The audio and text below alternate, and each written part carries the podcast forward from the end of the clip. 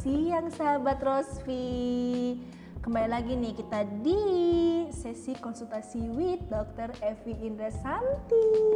Hai sahabat Rosvi gimana nih kabarnya hari ini? Pasti baik-baik aja kan? Atau hari ini lagi ada yang nyetir mobil atau lagi mau hati-hati pulang ya. kantor? Oh hati-hati ya dok ya. Nanti ketawa-ketawa sendiri. Iya, Nah, apalagi dengar saya dok, Hmm. oh langsung mau ngandeng-ngandeng ya ampun Manisa cantik sekali gitu. Oke dokter, Eh, ini sebelum sahabat Rosmi ini sering dengar nggak eh, teman-teman paling nggak bisa membedakan antara muntahan GERD dengan muntahan morning sickness. Nah Hmm. ini nih paling ini paling penting karena apa? Karena biasanya tuh wanita-wanita yang sensitif terhadap morning sickness, yes, gitu ya, biasanya mengira itu adalah muntahan GERD. Gitu. Oh, gitu. Iya dok, jadi agak sedikit apa ya mereka tidak bisa membedakan antara muntah karena mah, ya muntah karena mah dengan muntah karena morning sickness gitu. Nah untuk itu kita akan sesi konsultasi dengan Dr. Evi Indrasanti. Ya, selamat siang Dr. Evi, selamat datang kembali ke dokter datang sini. lagi di ruangan yang cantik ini. Iya, cantik ya. bukan cantik gitu. dok, Apa? kecil. Oke dokter, ini nih kita tuh sering banget nih, eh, mungkin dokter sering sering mendapatkan pasien nggak sih dok tentang masalah, aduh dok saya mah, taunya dia hamil, karena dia tidak bisa membedakan antara namanya morning sickness dengan muntahan GERD gitu ya Oh, dok iya. ya. Ya banyak banget sih sebetulnya kan yang namanya muntah itu kadang orang bilang sakit mah gitu. Jadi rupa-rupanya masyarakat kita tuh sering mendiagnosa dirinya sendiri. Ah betul, kayak saya kemarin dok sakit. mendiagnosa dirinya sendiri Betul. gitu. Sehingga saya dia tuh percaya dok. Heeh.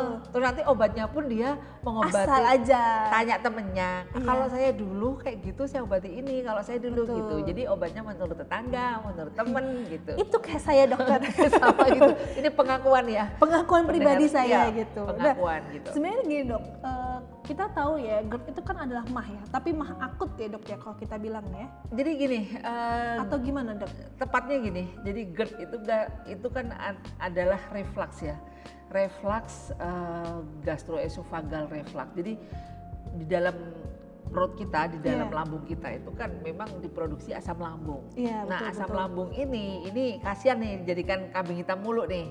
Oh kenapa dokter? Ya, kan orang itu kalau sakit perut ini asam lambung sih, ini asam lambung sih gitu. Kasihan sih asam lambung gitu. Dia nggak salah gitu kan Menjadi domba. jadi domba hitam gitu. Iya. Nah sebenarnya asam lambung itu berguna banget gitu. Jadi kalau kita makan, makanan masuk ke dalam eh, lambung, Iya. itu dikeluarkan asam lambung untuk membantu pencernaan. Pencernaannya Gitu. sehingga airnya jadi halus Nanti akan gitu tercerna, ya. kemudian dicampur dengan eh, beberapa Enzim, enzim gitu ya. Hmm. Cuma eh, pada beberapa orang ini produksi asam lambungnya itu menjadi berlebih gitu.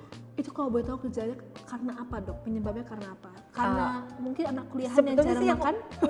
Kalau itu hanya pemicu aja Oh, ya. pemicu Jadi aja. penyebabnya tuh ah, mayoritas karena stresor yang tidak terkelola dengan baik. Oke, baik makanya, sahabat. nah makanya kenapa ini? Kenapa, yang Dok? sakit mah itu hampir 90% Perempuan. perempuan. Karena perempuan tuh baperan. Saya gitu. merasakan dokter. Jadi sahabat Rosvi silahkan kalau misalnya stres karena nggak nikah-nikah silahkan jangan sampai kena mah ya. Ya, soalnya perempuan tuh paling sering baper Betul. gitu kan. Apalagi kalau tanyain kapan nikah gitu ya dok ya. Nah, Abis nikah kapan punya anak? Oh, benar, benar. Setelah punya anak kapan, Kapan tambah lagi, lagi? gitu. Oh, iya, kapan benar. selesainya Iya, gitu betul, kan. betul. Jadi stres ya, Dok, iya, ya. Jadi karena banyak bapernya ini, banyak meng- banyak eh, apa namanya? perasaannya sehingga mudah sekali terkena mah. Laki-laki hampir nggak ada yang sakit mah. Karena mereka lebih pakai logika. Pakai Dok. logika dan tidak pernah tahu perasaan. Oh. Eh, mungkin ada beberapa orang yang mengerti perasaan dok laki-laki, Gitu ya. tapi ada jadi kena mah ya, dok ya. Nah kemudian gini, eh, kalau misalnya asam lambung berlebihan ditambah pencernaan kita juga tidak tidak bagus gitu Iya, ya. iya, betul. Yang namanya makanan itu menjadi tidak tercerna sesuai dengan waktu yang dibutuhkan gitu. Oh. Nah sehingga contoh lah misalnya kita makan, jadi makanan buah, kalau Mm-mm. buah itu dia hanya butuh 15 menit dia harus sudah keluar dari lambung. Oh oke oke oke. Kemudian kalau yang namanya paling lama itu kalau lemak. Lemah ya. lemak itu bisa lebih dari tiga jam tuh baru selesai baru selesai dan Nah, baru diolah oleh baru ya, selesai Dok. gitu tapi ada beberapa orang yang produksi asam lambungnya berlebihan Mhm. kemudian pencernaan tidak sempurna sehingga yang namanya makanan tertahan lama di lambung kan Oh. kalau tertahan lama dia menghasilkan gas jadi kayak semacam pembusukan lah gitu Iya, iya, dia iya. mengeluarkan gas dan gas ini kalau terlalu banyak ilmu fisika dong mesti dia cari tempat tempat keluar gitu kan Iya. Adanya cuma ke atas sama ke bawah gitu. Oh betul betul dok. Kalau ke bawah, Jadi eh, kentut ya dok jadi ya. banyak banyak buang angin, Iya. kemudian mulas, mungkin betul, kembung gitu. Kalau ke atas sendawa. Iya. Nah, tapi kalau asam lambungnya ini berlebihan, ikut naik ke atas, Oh. ikut naik ke atas sehingga eh, biasanya sih keluhan orang yang GERD itu adalah kalau seperti ada rasa tercekik. Tercekik di leher. panas ya dok atau gimana? Rasa panas kayak tercekik. Kemudian oke. ada juga yang bilang bahwa saya kalau makan kok susah masuk. Susah Oh, iya, turun iya, betul, gitu. betul, itu juga betul. bisa. Terus kemudian saya kalau sendawa rasanya pahit karena asam lambungnya Mm-mm. gitu. Kemudian ada juga yang eh, dia muntah Iya. gitu. Nah, sehingga eh, jadi kambing hitam kan? Iya si asam lambung ini. Biasanya kemudian pada beli obat yang antasid. Iya yang Antacid. bisa mengurangi asam lambung itu Ya, ya, dok untuk ya. menetralisir asam Mm. lambung. Nah, tapi jangan jangan lupa bahwa asam lambung ini diperlukan. Satu, fungsi utamanya apa? Dia membunuh bakteri dan kuman yang masuk ke dalam perut yang melalui saluran Betul, betul. pencernaan. Oh oke oke. Jadi kalau pH-nya itu naik akibat antasid tadi yang berlebihan, nanti bakteri menjadi tidak mati. Gitu. Jadi eh, ini berguna, disayang lah ya namanya. Iya. Itu berarti kayak. Miss V yang kayak podcast Iya, sebelumnya ya, dok ya. benar, Berarti gitu. lambung itu seperti uh, sensitif juga kayak Miss V ya dok ya kalau saya lihat. Sensitif juga gitu. Iya oke oke. Nah kemudian eh, beberapa orang kayak muntah. Nah Iya. muntahnya ini biasanya karena berhubungan dengan makanan biasanya.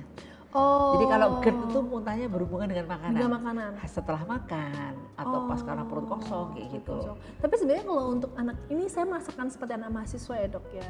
Itu biasanya kalau anak muda zaman sekarang itu kebanyakan mereka kena asam lambung karena tidak makan di hari tua. Memang dari tua. Itu ngaruh nggak sih dok sebenarnya kalau nggak eh, kita bukan apa ya saya harusnya tiga kali tiga kali Di tanggal tua makan. maksudnya kan? iya di tanggal tua Nggak punya uang gitu. Iya nggak punya uang. ya saya juga merasakan sih dok. Jam gaduh nah tiga kali sehari tapi mereka cuma memotong jadi dua hari sekali itu. Sebetulnya okay dua nggak? kali nggak masalah sih. Oh, Dua masalah, kali itu nggak masalah gitu. Oh, Bahkan oke. eh, beberapa orang yang itu adalah yang namanya suku di Himalaya sana ya. Iya. Kenapa usianya panjang-panjang? Karena memang makannya cuma dua kali sehari. Oh, Karena semakin banyak makan, semakin berkurang usia kita sebenarnya Oh, gitu kan. oke, oke. Dua kali nggak apa-apa, tapi yang penting itu keteraturan. keteraturan, ya, Keteraturan. setiap gitu. jamnya gitu ya, dok. Yang ya? kedua adalah pola makan. Hampir semua anak sekarang ini nggak ada yang doyan sayur. sayur sama buah ya dok Bener, ya. mereka lebih ya. seneng yang geprek-geprek lah dan segala macam. Iya, nah, apalagi yang zaman sekarang lagi ngetren gitu ya dok ya apa isolus apa ini apa iya, gitu ya, nah itu ya. sebetulnya kan tidak bukan makanan sahabat sahabat badan sebetulnya gitu. berarti itu harus kembali makan ke zaman dulu ya dok ya Iya, zaman zaman orang tua dulu, dulu, gitu.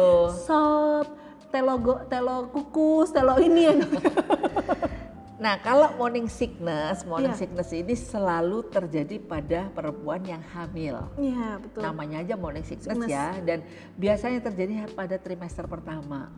Kalau misalnya saya pernah dengar tuh ada yang morning sickness sampai usia kandungan 8 bulan dok Ada sih, ada, Ada, Dok? ada juga gitu. bukan dibuat-buat kan dok Enggak. oh enggak. Sebetulnya memang karena pengaruh hormonal itu Oh, menyebabkan dia oke. muntah gitu. Tapi Iya, iya. biasanya setelah trimester pertama berlalu udah. udah selesai ya dok ya. Nah itu sebenarnya kalau dari apa ya penyebab ada morning sickness itu apa dok? Kecuali kehamilan, misalnya ada pemicu wangi atau apa gitu. Beda-beda. Oh, beda-beda Jadi pemicu wangi bisa atau pemicu ya biasanya sih aroma. Aroma ya. Karena kan kalau ada aroma masuk ke dalam lewat hidung kita, kemudian disalurkan ke otak, nah itu mempengaruhi otak juga gitu. Oh, berarti Sama, sebenarnya- kan ada kayak aromaterapi gitu ya. Jadi Iya. kalau kita de- de- di dekatnya orang yang wangi, rasanya enak, Enak, segar gitu. gitu ya dok ya. Oh berarti sebenarnya orang morning sickness itu bukan sebuah hal yang kau atau orang bilang "Eh, buat-buat nih kamu nih morning Enggak, sickness enggak ya dok enggak. ya. Itu memang berarti memang benar, benar, ya. benar adanya. Cuma kalau Cuman ngidam kalau ngidam tuh beda. Oh, beda. Kenapa dok itu? Ngerjain suaminya ya? Jadi ngidam itu sebenarnya lebih banyak ke psikologis karena dia ingin diperhatikan Oh, sama gitu. suaminya Heeh, gitu ya. sama orang-orang sebenarnya itu lingkungannya. kata kata orang hamil ini bawaan bayi gitu. Itu bohong ya, Dok ya. Karena hanya sugesti kan. Jadi kalau kita hamil kita tersugesti bahwa orang hamil tuh pasti ngidam. Ya kita jadi kayak ngidam bener. Tapi kalau enggak enggak juga. Enggak Hmm. ngidam ya, Enggak. Dok ya. Berarti ini diadu domba ya anaknya ya akhirnya. Ini jadi bawaan bayi Iya, gitu ya, Dok anaknya ya. gitu. Kalau pengen ngelus-ngelus kepalanya siapa gitu kan susah gitu kan. Oh iya betul, apa minta berlian tuh pusing lagi, Bu. Ya, Pusing lagi, Dok kayak tapi gitu. kalau misalnya orang hamil seneng kayak rujak, kayak kecut-kecut, itu masih wajar. Oh, Karena oke. apa? Ternyata Hormonal? yang yang kecut-kecut, yang eh, kayak rujak dan lain-lain itu dia mengurangi mual. Oh, Itu mengurangi oke, mual. dok. Berarti itu karena hormonal juga ya, atau Iya. karena hanya Enggak, apa, karena otak, dia dengan otak. dengan makan rujak lotes kayak Iya, gitu, heeh. dia memang mengurangi mengurangi mual gitu. Jadi Oh, memang oke, oke. dia lebih merasa seger. lebih enak ya, Lebih enak terus gitu. jadi nggak morning sickness gitu ya doknya. Nah, Ini ini saya juga mau tahu nih dok, sebenarnya muntahan morning sickness itu seperti apa?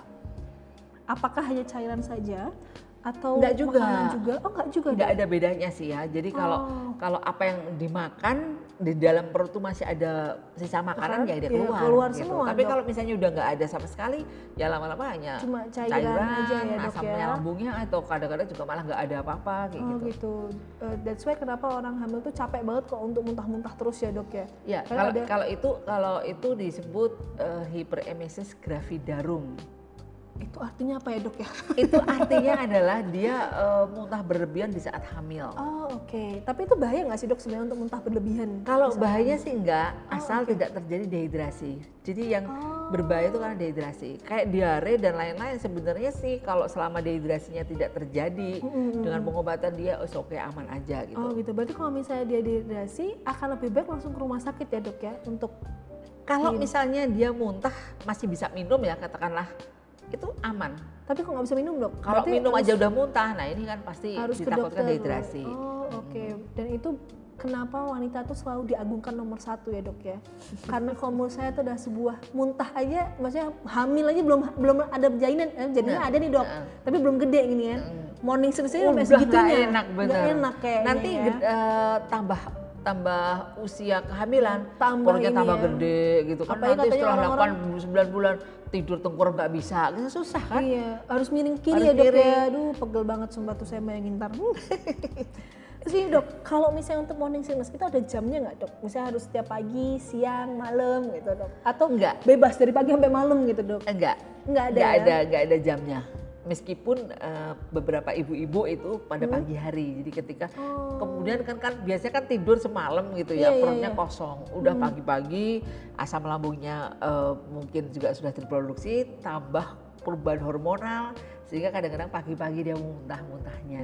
Tapi nanti agak siang sedikit, mungkin agak membaik Hmm. Udah agak sedikit. membaik, iya. Tapi siang, apa, uh, tapi sebenarnya sih membaik. tidak tidak ada tidak ada harus pa- harus pagi atau jam Oke, berapa oke. enggak sih. Oh gitu. anytime. Terus kalau ini nih katanya mitos-mitos sih dok, saya nggak tahu benar apa enggak ya. Mudah-mudahan suami saya nggak kayak gitu. saya udah pusing dok. Ini eh, saya bayangin kalau misalnya Ini kebanyak ngebayangin ini ya kayaknya Karena ya. dok, ya. teman-teman saya kan kebetulan udah hamil semua ya dok ya. Cuma saya yang belum Hmm, hamil karena saya baru nikah kebetulan ya. Telat nikahnya saya ini kebetulan. Jadi saya mau ngomong nih dok, kalau mau apa ini bener nggak mitosnya kalau misalnya laki-laki itu juga bisa ngidam dan bisa morning sickness? Pada beberapa orang terjadi, tapi bukan karena hormon sih, karena Karena apa, Dok? psikologis aja gitu. Oh dia Jadi, ingin mengikut Iya sebenarnya merasakan sih, ya. uh, oh, jadi nggak ada nggak ada nggak ada bukti bukti medisnya kalau misalnya ketika istrinya melahirkan yang sakit suaminya enggak. Hah? Itu Nggak, ada dokter? Ada itu. Oh my god. waktu Anda kan bisa ya. Oh, saya seneng banget Adegan gitu, bisa gitu, kita Kamu yang tukeran rasain gitu. sakit aja gitu ya Hmm, dok ya. Karena ada tapi ternyata itu nggak nggak bisa dibuktikan secara ilmiah. Oh gitu. Tapi kalau misalnya muntah-muntah tuh ada ya dok ya berarti ya? Iya dia psikologis aja sih gitu. Berarti kayak aku ingin ikut merasakan apa yang dirasakan oleh istriku. Kadang-kadang kan gitu dia ya. terbawa ya, ikut, ikut terbawa. Oh iya, lah apalagi gitu. anak hamil pertama Hmm, gitu ikut ya, terbawa dok sehingga ya. dia ikut muntah gitu. Oh, oh, bener-bener. Oh oke berarti sebenarnya tuh ad- bisa tapi belum ada jurnalnya ya dok ya. Mungkin bisa karena psikologis aja gitu ya dok Iya, ya kalau saya ambil kesimpulannya ya. Oke oke. Tuh sahabat Rospi, kalau pengen suaminya ikut muntah-muntah, silahkan ngidam dan ngomong ke suaminya. Ternyata suaminya muntahnya karena disuruh nyari apa gitu ya, nggak nggak ketemu-ketemu jadi dia mau sampai muntah gitu kan. Jadi ini dok, eh, istilahnya kita sering ini kalau masa morning sickness ya, ini kan eh, berkaitan dengan masa kehamilan ya dok ya. Nah ini kalau untuk eh, perempuan yang mohon maaf, kita sering banget tahu perempuan tuh susah banget. Ada yang susah hamil, ada yang gampang hamil. Nah gitu ya dok ya. Nah eh, kalau untuk wanita yang susah hamil itu biasa dikarenakan apa dok kalau boleh tahu? Ya eh, sebetulnya kalau kalau kita bicara sulit hamil itu memang yang pertama dilakukan ya kalau kalau gitu pasti ditanyain dulu kan yang disebut susah hamil tuh kalau udah menikah melakukan hubungan seksual secara teratur dalam setahun tapi belum juga hamil. Iya. Jadi ada batasannya. Tapi Ada kalau baru enam dok, bulan sih eh, nggak jangan di jangan, Jangan dibilang lebay ya dok ya. Oh, oh, jangan dibilang susah hamil gitu. Oke. Nah biasanya eh, masalah utama perempuan dulu yang dicari-cari itu. Iya, ya, kamu betul, periksa betul. dulu, periksa dulu gitu. Tapi kan. laki-laki nggak diperiksa ya dok Iya, nanti biasanya gitu. Sebel nah, deh. eh, apa ya, yang yang paling sering menyebabkan sulit hamil itu satu memang siklus menstruasi tidak teratur. Oh oke. Gitu. Siklus menstruasi tidak teratur sehingga kita mau menentukan masa suburnya juga Bingung susah, ya, udah Dok, bingung. ya. Nah, biasanya kalau untuk eh, orang-orang yang kayak gini itu dia harus mencatat paling enggak enam bulan. enam Sebelum? bulan itu nah dalam enam bulan itu siklusnya dia menstruasi tanggal berapa dulu Oh, gitu. oke. Nanti baru kalau eh, ke dokter nanti Ngambil- akan oh ya berarti kamu berarti masa suburnya itu Tanggal sekian tanggal sekian sekian, gitu, gitu ya. dok. ya. Nah, sebenarnya kalau kita misalnya untuk siklus menstruasi teratur nih dok, menghitung masa subur yang tepat tuh seperti apa? Nah ini paling ini paling istilahnya kan kita biasa pakai kalender nih dok. Kalau yang untuk program hamil ya dok ya, itu biasanya untuk menghitung masa siklus yang benar dan baik itu seperti apa dok? Nah, kalau eh, apa namanya kalau siklus menstruasi teratur Iya. ya, menstruasi teratur artinya kalau misalnya 28 hari ya dia akan ada maju sekitar 2 3 hari dan terus-terusan sama seperti itu.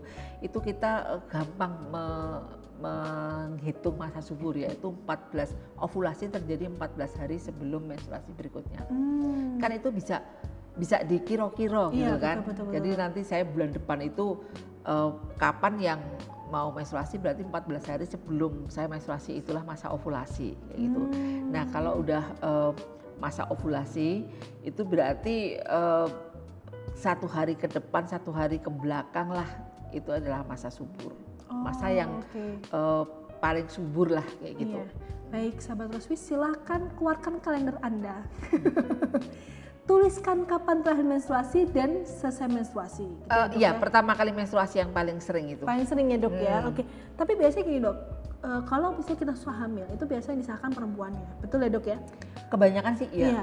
Nah, eh, tapi berjalannya waktu kan kita melihat dari segi kedokteran tuh banyak sekali penelitian masalah eh, pemeriksaan sperma ya dok ya, Mm-mm. pemeriksaan apa saya kualitas sperma gitu. Itu sebenarnya untuk kita yang sudah menikah itu penting nggak sih dok untuk melihat kualitas sperma si suami gitu? Kalau nggak ada masalah ya nggak perlu. Oh gitu. Kalau Tapi kalau ada. misalnya satu tahun setelah menikah gitu, Iya belum- biasanya kan perempuan dulu sering diperiksa dulu Iya. gitu.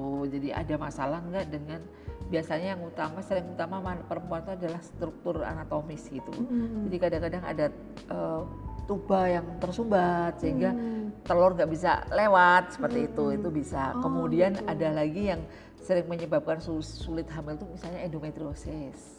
peneban dinding rahim Iya. ya dok ya. Jadi penebaran dinding rahim sebetulnya kalau lebih tepatnya me- endometriosis itu adalah eh, tumbuhnya lapisan endometrium di luar rahim Hmm. gitu.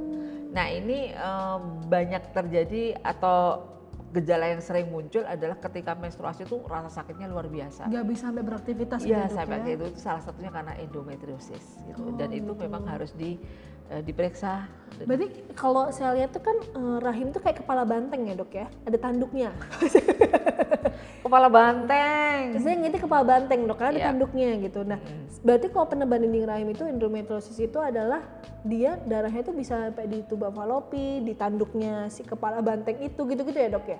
Iya bisa di Oh, situ. oke, Jadi oke. di luar rahimnya. Jadi kalau rahim itu kan kayak segitiga gitu bentuknya ya. Memang itu adalah lapisan endometrium tapi bisa tumbuh di mana aja gitu. Oh, gitu. Bisa tumbuh di em, mana ya di tubanya, bisa tumbuh di indung telurnya, Hmm. bahkan bisa tumbuh juga di usus. Pokoknya di Oh. dalam eh, organ wa- organ wanita ya, organ wanita itu bisa semua ditumbuhi seperti. Karena itu. pada saat menstruasi itu kan eh, rahim itu berkontraksi ya dok ya, jadi makanya sebenarnya kalau nggak kena endometriosis nggak merasakan sakit ya Iya, dok tapi ya. karena ada di mana-mana tadi, jadi nggak Jadi dia lebih mengikuti seperti mengikuti siklus menstruasi. Jadi kalau sakit dia ikut sakit aja gitu. Oh gitu. Makanya sakitnya biasanya berlebihan. Oke baik sahabat Rospi sudah mendengar dokter Evi bilang bahwa kalau anda merasakan sakit luar biasa ketika menstruasi ya dok ya Hmm. perlu diperiksakan berarti ya dok ya Atau Kayaknya- hanya dengan minum rosmi saja dok? Nah, eh, tadi kan kita kembali lagi ke semua medikasi kan. Iya, Nah, ah. jadi sebelum ke dokter itu kita bisa mencoba untuk eh, mengobati dulu lah. Mm, mm, mm. Misalnya tadi dengan Rosvi ya. Rosvi ini eh, kebetulan tadi herbal sahabat perempuan Mm. gitu ya. Dan kompleks ya, Dok, ya. komposisinya udah Komposisi kompleks bagus kayak gitu. Ah. Bahkan eh, dia ada apa ya? Ada efek untuk relaxing Iya. efek relaxing itu kenapa saya bilang sebenarnya pada waktu menstruasi pun diminum tidak berbahaya sebenarnya Oh, gitu oke. sebenarnya ya Hmm. karena aman kan jadi nggak ada yang eh, dia membahayakan gitu tapi kalau misalnya menstruasi selama menstruasi jangan diminum ada baiknya juga itu kan masa jeda kita istirahat tuh minum herbal gitu ya Oh, oke. Ya, tapi kalau misalnya eh, sebelum menstruasi minum rosvi, saya rasa itu akan sangat membantu karena efeknya ada yang dia bisa relaxing ototnya. mengurangi rasa sakitnya itu ya dok ya. Berarti sebenarnya eh, kalau punya endometriosis akan lebih baik juga mengonsumsi rosvi Bisa, gitu ya. karena ya. eh, endometriosis kan salah satunya juga karena ketidakseimbangan hormon Hormonal, juga kan. iya, betul. Dan kebetulan memang di rosvi ini dia mengandung eh, kom- apa ya komponen yang dia bersifat seperti fitoestrogen Iya. gitu. Kalau misalnya kalau kena endometriosis itu maksudnya untuk penambahan di rahim itu kita konsumsi rosmi berapa kali sehari dok? Dua, Dua aja? Iya, dua aja dulu. pagi dan malam gitu Iya. ya dok ya? Eh, apa namanya dengan dosis tertentu yang tersedia di box Iya. gitu ya dok ya? Dan itu dikonsumsi secara teratur berarti ya dok ya? secara teratur dan ingat bahwa yang namanya herbal itu kan beda dengan obat kimia ya. Kalau Iya, obat betul. kimia itu kan eh, efeknya segera gitu. Iya, Misalnya eh, tapi kalau yang namanya herbal tuh efeknya tidak bisa segera tapi dia maintenance-nya bagus gitu. Jadi Oh. minum ya jangan hanya baru minum 2 3 hari bilang nggak ada efeknya sama sekali gitu. Jadi silahkan minum habis satu box dulu. Nanti kalau dia Hmm. dia rasakan sendiri kalau misalnya oh udah mulai agak membaik tambah satu box lagi gitu. Dan saya Oh, rasa oke. ini kan suplemen yang bisa diminum dalam jangka lama Dalam juga. jangka lama. Dengan catatan tadi ketika menstruasi berhenti itu sudah salah satu yang bagus untuk detox tubuh kita terhadap herbal. Wow, ini ini keren banget ya dok ya. Kalau kalau saya dengar tadi dokter dokter Evi bilang Rosvi ini bisa membantu A, B, C, D, E, F, G, H, I, J, K, L, M, N, O, P, Q, sampai Z gitu ya dok ya. Ya. Eh, berarti sebenarnya kita kalau kita kan nggak tahu ya dok ya. Sebenarnya kita punya eh, dosis minum jamu per hari itu berapa gram gitu kan dok? Atau berapa untuk Nah, herbal gitu? Kalau itu Dok? fitofarmaka sudah ditulis di situ kan, berarti Iya. tiga kali satu kapsul. Iya betul. tiga kali satu saset Mm-mm. itu berarti sudah melalui penelitian dan eh, apa ya penelitiannya memang masing-masing beda kan gitu. Hmm. Tapi khusus untuk rosvi ini bisa kalau misalnya untuk maintenance artinya saya tidak sakit apa-apa boleh nggak minum? Hmm. Boleh sehari satu saset is oke gitu Oh, kan. gitu ya. Tapi kalau lagi ada masalah, Masalah? bisa dinaikkan jadi dua saset. Oh, oke. Seger kok ini. Seger. Oh, saya Seger. sudah merasakan dokter. Itu rasanya kayak jambu-jambu, jus jambu Mm-mm. agak nggak pahit juga sih dok kayaknya ya. Warnanya merah juga ya. Iya merah, seperti hati saya. Membahas masalah tentang muntah perbedaan muntah GERD dengan muntah morning sickness Iya. ya. Dan saya mengambil uh, kesimpulan bahwasannya sebenarnya mengidam itu sangat berbeda dengan morning sickness. Betul Beda dok? sekali gitu. Kalau morning Dan- sickness memang terjadi karena Iya. ada ketidakseimbangan hormon, Hormonal. gangguan hormon. Tapi kalau yang namanya ngidam itu lebih banyak ke ya mencari perhatian lah perhatian. gitu. Jadi sebenarnya ngidam tuh nggak ada ya dok ya? Nggak ada sih Oke, gitu. di- Apalagi kalau ngidam mobil, ngidam rumah. saya juga mau dok kalau yang gitu dok. Jadi bapak kalau teman-teman sahabat Rosvi atau sahabat Rosvi yang mendengar sebagai laki-laki dan punya istri lagi ngidam gitu kan, Iya. tolong tanyakan, dek kamu hanya pura-pura atau bawaan bayi gitu ya dok? kalau bawaan bayi berarti harus itu ya, harus dicariin gitu. Oke, masalahnya nggak masalah dok kalau misalnya dia tuh ngidamnya cuma masalah kayak jus ya apa jambu yang bisa mangga gitu kan. Tapi kalau durian. pengidamnya mau pegang kepalanya pemain bola gimana Eh, dong? itu pusing saya juga, kalau dokter. kalau iya kalau saya hamil saya mau bilang saya pengen pegang kepalanya bola pemain bola yang itu ah Oh, gitu. gitu. Susah kan? Iya susah juga sih dok. Eh, Dan minta tolong deh sama istrinya untuk minta yang nggak aneh-aneh kayaknya. Oke deh dokter, terima Iya. kasih atas kehadirannya. Nanti kita akan lanjut ke podcast berikutnya ya Oke. dok ya. Karena eh, kayaknya nih kalau podcast berikutnya kayaknya sedikit agak tentang masalah apa ya nih dok? PMS. Oh, PMS, PMS ya. ya. Bukan ya. menstruasi sindrom gitu ya, Dok ya. Oke, Dok, terima kasih atas kehadirannya. Sampai ketemu lagi di podcast, podcast selanjutnya. Oke, terima kasih sahabat Rosfi.